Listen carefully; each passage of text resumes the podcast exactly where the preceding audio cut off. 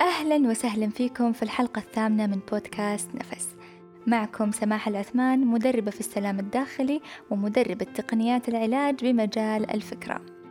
قبل ما أبدأ الحلقة أحب أقول لكم قد إيش أنا سعيدة بإعجابكم بالحلقات والمواضيع المطروحة سواء من الرسائل اللي توصلني أو تقييماتكم على الأبل بودكاست اللي خلت بودكاست نفس حاليا هو البودكاست الأول في السعودية على مستوى الصحة البديلة.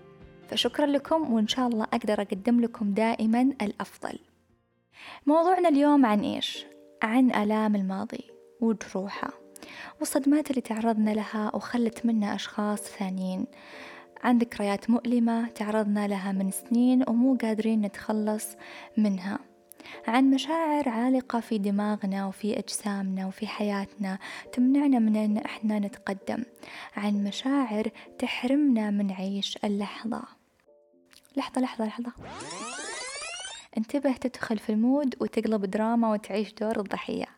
أنا اليوم جاية أساعدك وأكون معك وأقول لك إنك كل شيء تقدر تطويه وتبدأ من جديد بس أنت اتخذ القرار. قبل ما نبدأ خليك قوي اسمع هالحلقة وتعلم كيف تتخطى ألمك بنفسك. خذوا نفس عميق. كنت مرة أقدم جلسة لعميل عمره في الثلاثين. مشكلته أنه يمر بمشاعر حزن ولوم شديد على علاقة انتهت قبل أربع سنوات ولكن مو قادر أنه يتخطاها.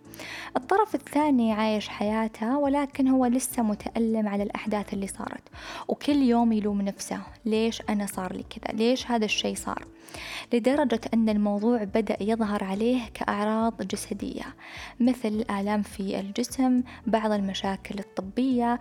طبيا يقولون له أن أنت فقط تحتاج أنك أنت تسترخي وتتخلص من الستريس اللي أنت فيه. في آخر الحلقة بشاركك بالتفصيل كيف ساعدته وبفضل الله أنه يتخلص من آلامه الجسدية والمشاعرية. ليش أنا عايش في الماضي؟ خليني أقول لك شيء جدا مهم. أغلب مشاعرنا اللي نمر فيها لها تفسير بس مو كل الناس تقدر تفسرها. وهنا يجي الوعي الوعي بالشعور. يعني أعرف أنا ليش متوتر وأعرف أنا ليش متضايق وليش هذا الشخص يتعامل معاي بهذه الطريقة. ممكن أنا مكتئب وحزين لذكرى عاطفية عندي من سنين ومو قادرة أتخلص منها. أو ممكن خسارة تعرضت لها أيضا من سنين ولكن لسه حزين عليها ومو عارف أني أنا أبدأ من جديد. وعشان أساعدك تكون واعي خليني أشرحها لك بالتفصيل. كيف تتكون عندك الذكرى وتعلق في بالك؟ لو رجعنا للماضي مثلا قصة العمل اللي طرحتها في البداية. وكيف أنه مو قادر يتخطى علاقة من أربع سنوات انتهت. اللي صار أن لما انتهت هذه العلاقة انتهت بظروف معينة. فمثلا خلنا نقول إنها انتهت في بلد ثاني أو في يوم ممطر أو في أي ظرف ثاني. فالحدث صار يتخزن كصدمة في العقل الباطن وتحديدا في الذاكرة العاطفية أو ما يسمى بالإنجليزي أميجدلا الأميجدلا هو جزء صغير جدا في الدماغ وبالمناسبة رسالة الماجستير كانت عبارة عن دراسة هذا الجزء الدقيق المكون من 22 جزء صغير. سبحان الخالق كل جزء له وظيفة ولكن من أهم وظائفه هو تخزين المشاعر في جسم الإنسان مثل مشاعر الحب مشاعر الخوف مشاعر التحفيز وغيرها من المشاعر. فاللي يصير أن الشعور يتخزن أو أقصد الصدمة تخزنت أنه مثلا صار هذا الحدث في يوم ممطر على سبيل المثال. فنلاحظ أن المطر بعد فترة يصير بالنسبة لهذا الشخص شيء غير محبوب وما يحبه. بس ما يعرف ليش بس أجواء المطر ما تعجبه. والسبب الحقيقي أن المطر عنده مرتبط بذكرى مزعجة في عقله. حلو. يعني قصدك يا سماحة أن الذكريات المزعجة تتخزن؟ أيوة نعم تتخزن. يعني قصدك أن إحنا ما نقدر نتخطاها عشانها عالقة في عقولنا؟ أيوة صحيح. الذكرى ارتبطت بشعور. ممكن هذا الشعور يكون لوم خوف غضب تأنيب أيا كان. وهذا الشيء تقدر تعرفه لما تسترجع الموقف أو الحدث اللي صار معاك وتشوف الشعور المرتبط فيه. طيب ممتاز. الحين فهمنا أن الذكرى تتخزن في الدماغ. طيب إيش اللي يحفزها؟ اللي يحفزها هو إحنا. أو أنا. لما أنا أعيد الذكرى وأتكلم عنها كل فترة وفترة. يجيني شعور مزعج وممكن فقط يتعكر مزاجي. ولكن لو أنا بستمر أني أنا أكرر هذا الحدث وأتكلم عنه وأتمسك فيه شهور ممكن يتحول إلى عادة. وممكن يتطور الوضع وأتمسك فيه لسنوات. ولسنوات أنا أعيش هذه المشاعر العالقة فيني مثلا مثل الغضب. فيصير عندي هذا الشعور هو أسلوب حياة. تعودت أني أنا أكون دائما متوترة. تعودت أني أنا أكون دائما معصبة. تعودت أني أنا أكون دائما ضحية. وهنا تكون المشكلة. إن الشخص مو واعي للشيء اللي قاعد يسويه. يتكلم عن مشكلته كل يوم. يعيش هذه المشاعر كل يوم. ففي النهاية يوصل لشعور إنه هو ضحية. خلاص الصورة ثابتة في باله وما يقدر يتحرك من جديد. إذا كانت الصدمة مثلا خسارة أموال فيصير يخاف يتقدم في أي مشروع جديد. إذا كانت صدمة عاطفية ممكن يرفض الارتباط. إذا كانت صدمة فقد ممكن يشعر بعدم الأمان ويرفض التغيير أو يرفض الدخول في أي شيء جديد. وقيسوا على ذلك. طيب كيف أعرف أني أنا متمسك بالماضي؟ خليني أشاركك بعض العلامات للأشخاص المتمسكين بالماضي. واحد الخوف من التقدم في الحياة وعدم تقبل الجديد بسبب الصدمة اللي تعرض لها سابقا في حين أن الشخص اللي يكون عايش اللحظة أو سمح لصدمات الماضي بالرحيل تلقاه عادي يدخل في أشياء جديدة يبغى يتعلم أشياء جديدة. ما عنده شعور الخوف من الجديد. هو مرن قابل إنه يتعلم ويتغير ويتجدد. اثنين ممكن الشخص يكون قاسي على نفسه أو يكون قاسي في الحكم على الآخرين. ثلاثة يشعر بأنه شخص غير كافي أو ممكن تكون عنده مشاكل في الثقة بالنفس فنلقى ثقته بنفسه ضعيفة. أربعة يعاني من التأنيب المستمر. ليش؟ لأنه قاسي على نفسه دائما يلوم نفسه على الأخطاء اللي صارت في الماضي أو القرارات اللي تطلع منه خاطئة أحيانا. دائما في دوامة تأنيب مستمر. خمسة ممكن يكون عنده سلوك انتقامي بمعنى إذا أحد غلط عليه لازم ينتقم. ما يسمح للموضوع بالرحيل أو يحاول أنه يمشي الأمور لا يكون عنده سلوك انتقامي. طيب والسؤال المهم كيف أنظف مشاعر الماضي؟ كيف أسمح للماضي بالرحيل؟ كيف أنظف عقلي؟ بما أنك أنت الآن معاي فهمت كيف العقل يتعامل مع الصدمة فخلينا زي ما دخلت بالتدريج وتخزنت نطلعها بهدوء وعندي لك طريقتين واحدة فعالة جدا بس تحتاج وقت والثانية أيضا فعالة جدا ولكنها سريعة خلينا نبدأ بالطريقة الأولى اللي هي الكتابة العلاجية.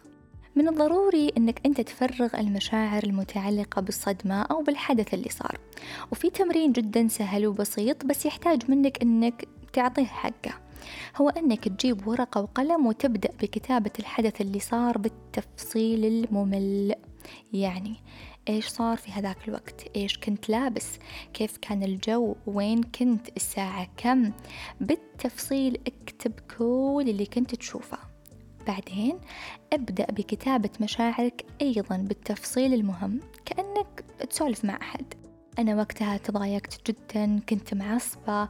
هذا الموضوع قهرني لأني شعرت بالخذلان. و و و و فرغ كل المشاعر اللي تحس فيها واكتبها بالتفصيل على الورقة. بعدين انتقل للمرحلة اللي بعدها هي أنك تكتب مشاعرك تجاه الأشخاص الموجودين لأن الهدف هو نقل الشعور من العقل الباطن اللي تخزنت فيه إلى العقل الواعي ومن ثم يطلع هذا الشعور على الورق. يعني عينك تشوف هذا الكلام تسمح للمشاعر أنها تنتقل من العالم اللامادي إلى العالم المادي وهذا شيء جدا عظيم. وآخر شيء بعد ما تنتهي شق الورقة أو احرقها وإذا ما تفضل الحرق مو مشكلة فقط شق الورقة. المهم أنك لا تحتفظ فيها. واستمر في الكتابة إلى أن تشعر أن مشاعرك صارت متزنة. ممكن الموضوع ياخذ أسبوع أسبوعين ثلاثة شهر أو أكثر. المهم أنك تستمر حتى تحس أن كل اللي في خاطرك طلع. الطريقة الثانية الفعالة والسريعة واللي أنا أستخدمها مع عملائي في الجلسات هي تقنيات اف تي هي تقنيات نقوم فيها بالطرق على نقاط محددة في الجسم لتفريغ الشعور. فمثلا نطرق أسفل العين لأنها النقطة المسؤولة عن مشاعر الخوف.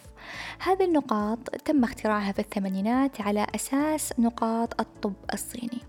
وكانت ولا زالت من أسرع التقنيات لموازنة المشاعر في العقل. لأننا باختصار نحاكي الذاكرة العاطفية أو الأماجدلة عن طريق الطرق. هذه التقنيات معتمدة من قبل اللجنة الوطنية الأمريكية للدراسات القائمة على الأدلة وأيضا تدرس في بعض الجامعات وإن شاء الله يا رب أتمنى وأنوي إنها تبدأ تدرس كمناهج عندنا آه، تساعد الشخص أنه يتخلص من الاسترس أو الضغوطات بنفسه. التمارين جدا سهلة ومبدأها فقط إعادة التوازن للجسم وتحديدا المشاعر يعني خليني أعطيك مثال إذا حسيت أنك مكتوم ونفسك ضيق إيش تسوي؟ راح تبدأ تتنفس تنفسات عميقة حتى تستعيد توازنك لما تحس أنك تعبان ومجهد إيش بتسوي؟ راح تروح تنام وترتاح حتى تستعيد طاقتك بنفس المبدأ تشتغل ال TFT. هي عبارة عن restart أو إعادة تشغيل أو إعادة توازن للمشاعر. وتجد أيضا فيديو تفصيلي على قناتي على اليوتيوب شرحت فيه بالتفصيل كيف تعمل هذه التقنيات السحرية. بتقنيات ال TFT قدرت أساعد أكثر من 1500 شخص يتخلصون من صدمات السابقة مشاعر الخوف التوتر التأنيب وغيرها من المشاعر السلبية. وإذا كان ما عندك الوقت الكافي إنك تاخذ جلسات أو المال الكافي إنك تحجز جلسات مع مختص أنصحك إنك تتعلم تقنيات ال TFT حتى تساعد نفسك بنفسك. الأسبوع القادم خمسة نوفمبر راح أقدم دورة تعليم ال TFT بحيث إنك تكون ممارس معتمد بشهادة معتمدة. وهدية مني لكم. أي شخص ينضم للبرنامج هذا الشهر مع صديق راح يحصل على استشارة مجانية معي مدتها نصف ساعة. ينتهي العرض يوم ثلاثة نوفمبر. لا تضيعون الفرصة. العميل اللي ذكرت قصته في البداية طلبت منه أثناء الجلسة أنه يستحضر المشاعر والذكرى المزعجة ويعطيني مقياس لهذه المشاعر. قد إيش من عشرة تزعجه هذه الذكرى. عشرة من عشرة يعني هي مؤلمة جدا. وبالفعل كان مقياس الألم عنده جدا قوي. كان عشرة. بدأنا بالطرق على نقاط محددة في الجسم لتحرير هذه المشاعر لمدة خمس دقائق. النتيجة كانت أن مقياس الشعور نزل من عشرة إلى ثلاثة. وهذا يعتبر نقلة كبيرة. من أنك تعاني من ألم وذكرى مزعجة إلى أن الشعور يصير عادي. هذا زي ما يقولون لي عملائي أو يقولون I don't care. أعرف أنه ممكن تستغرب ولكن خليني أقول لك أن التجربة خير برهان ادخل على موقع سماح أكاديمي وطبق جلسة التحرر من الماضي. فيها تمارين جدا عميقة ولكنها تمارين عامة وبإذن الله حتفيدك. طبعا العميل استمر على بعض هذه التمارين بعد الجلسة وأنا كنت متابعة معه وبفضل الله تخلص من مشاعر الماضي المزعجة تماما. والجميل في الموضوع أن في آخر جلسة بيني وبينه بدأنا نخطط للمستقبل وأساعده في تنظيم وقته والبدء بمشروع جديد. يعني إيش؟ يعني رمى الماضي ورا ظهره. الذكرى موجودة ولكن الشعور متزن. وأفضل شيء ممكن تسويه بعد ما أنك تنظف مشاعرك هو أنك تكتب إيش الدرس اللي تعلمته من هذه الصدمة أو من هذا الموقف. أنت ممتن لها لأنها قوتك وخلتك واعي وخلت منك ممكن شخص حريص أو أكثر وعي أكيد في دروس خلف كل قصة لذلك خليك واعي وممتن لله لأنها جاية تطورك. وفي الختام تعلم كيف تسأل الله أنه يساعدك تكون أكثر وعيا على مشاعرك القديمة اللي لهيت عنها وانشغلت عنها أو تناسيتها ولا زالت تؤلمك. وتعلم كيف تسأله سبحانه كيف ممكن تجد طرق سهلة وعلوم سهلة وفعالة وسريعة تستنفع منها وتستفيد حتى تخلصك من مشاعرك المزعجة وتعيش حياة أفضل لك ولمن حولك. لأن باختصار أنت روح كريمة تستحق أن تعيش حياة طيبة. لا تنسى تشارك الحلقة شخص عايش في الماضي ومتشبث فيه ويخاف من التقدم لأنه ممكن تساعده بشكل كبير. وأيضا لا تنسى تكتب لي في التعليقات موضوع كنت أنت متعلق فيه وقررت اليوم أنك تتخلص منه وأنا راح أدعمك وأكون معك. ألقاكم في الحلقة القادمة اللي عنوانها كيف تتكلم عن نفسك أمام الآخرين. في أمان الله.